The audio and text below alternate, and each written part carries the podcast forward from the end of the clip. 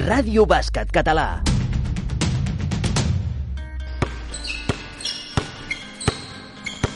Els nostres clubs. Òscar Pujol, director esportiu de la Salle Tarragona.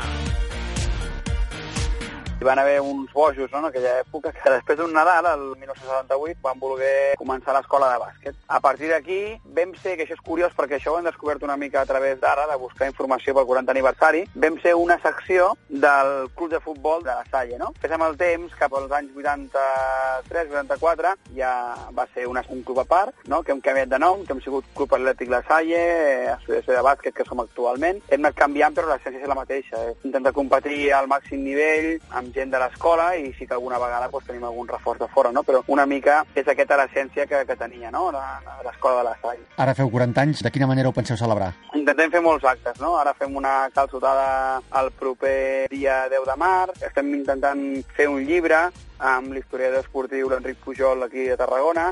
El, el problema que tenim és que el tenim ja bastant enllestit. Ara falta un tema, com sempre, pressupostari per poder acabar-lo de tirar abans d'acabar el 2018. El sopar final de temporada, que sempre fem un sopar en què som 200 persones, 300, volem que estigui Javi Sancho, que és un monologuista que treballa juntament amb el Santi Millán i és exalumne de l'escola i volem que, que ell faci una actuació i fer un sopar molt gran, de 400 persones, 500 persones. I la macrodiada, que aquest any també fa 40 anys, volem que sigui una macrodiada amb la que volem agrair als clubs i col·legis de Tarragona, que sempre han vingut i han participat, i també aquells clubs i col·legis que d'alguna manera o una altra han vingut al llarg d'aquests 40 anys. Llavors, serà una macrodiada molt gran, amb uns 1.500, 1.800 participants en dos dies, 2 i 3 de juny, i, i la veritat és que el que volem és gaudir molt del bàsquet com ho fem sempre, però amb l'excusa aquesta dels 40 anys. Ara mateix, quina seria la salut de l'entitat? Quants equips teniu? Com, com esteu ara mateix? Ara mateix tenim 27 equips. Sí que és cert que esportivament estem amb, amb canvis, no? perquè creiem que el bàsquet i que tot va evolucionant, no? No és el mateix fa 40 anys com ho fèiem, que fa 10, que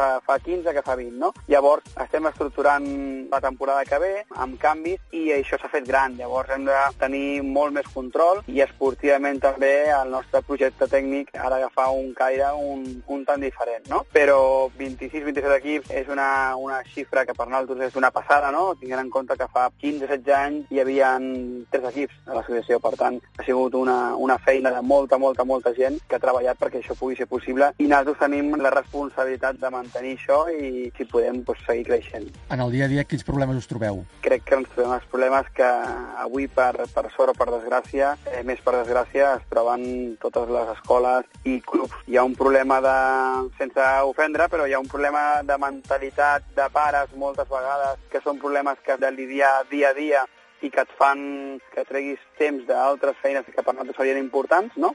Esportives i de més, però bé, els pares a vegades tenen altres prioritats o una manera, una visió diferent del que hem de fer i l'altre problema, com sempre, és el, el problema econòmic, no? Aconseguir el màxim, no sé si dir professional o, o tenir el màxim de recursos possibles, però clar, això ho hem d'aconseguir amb aportacions privades, amb aportacions d'altra gent que costa a buscar-les i que, bueno, és una feina que la Junta també, la Junta està treballant en poder aconseguir-ho.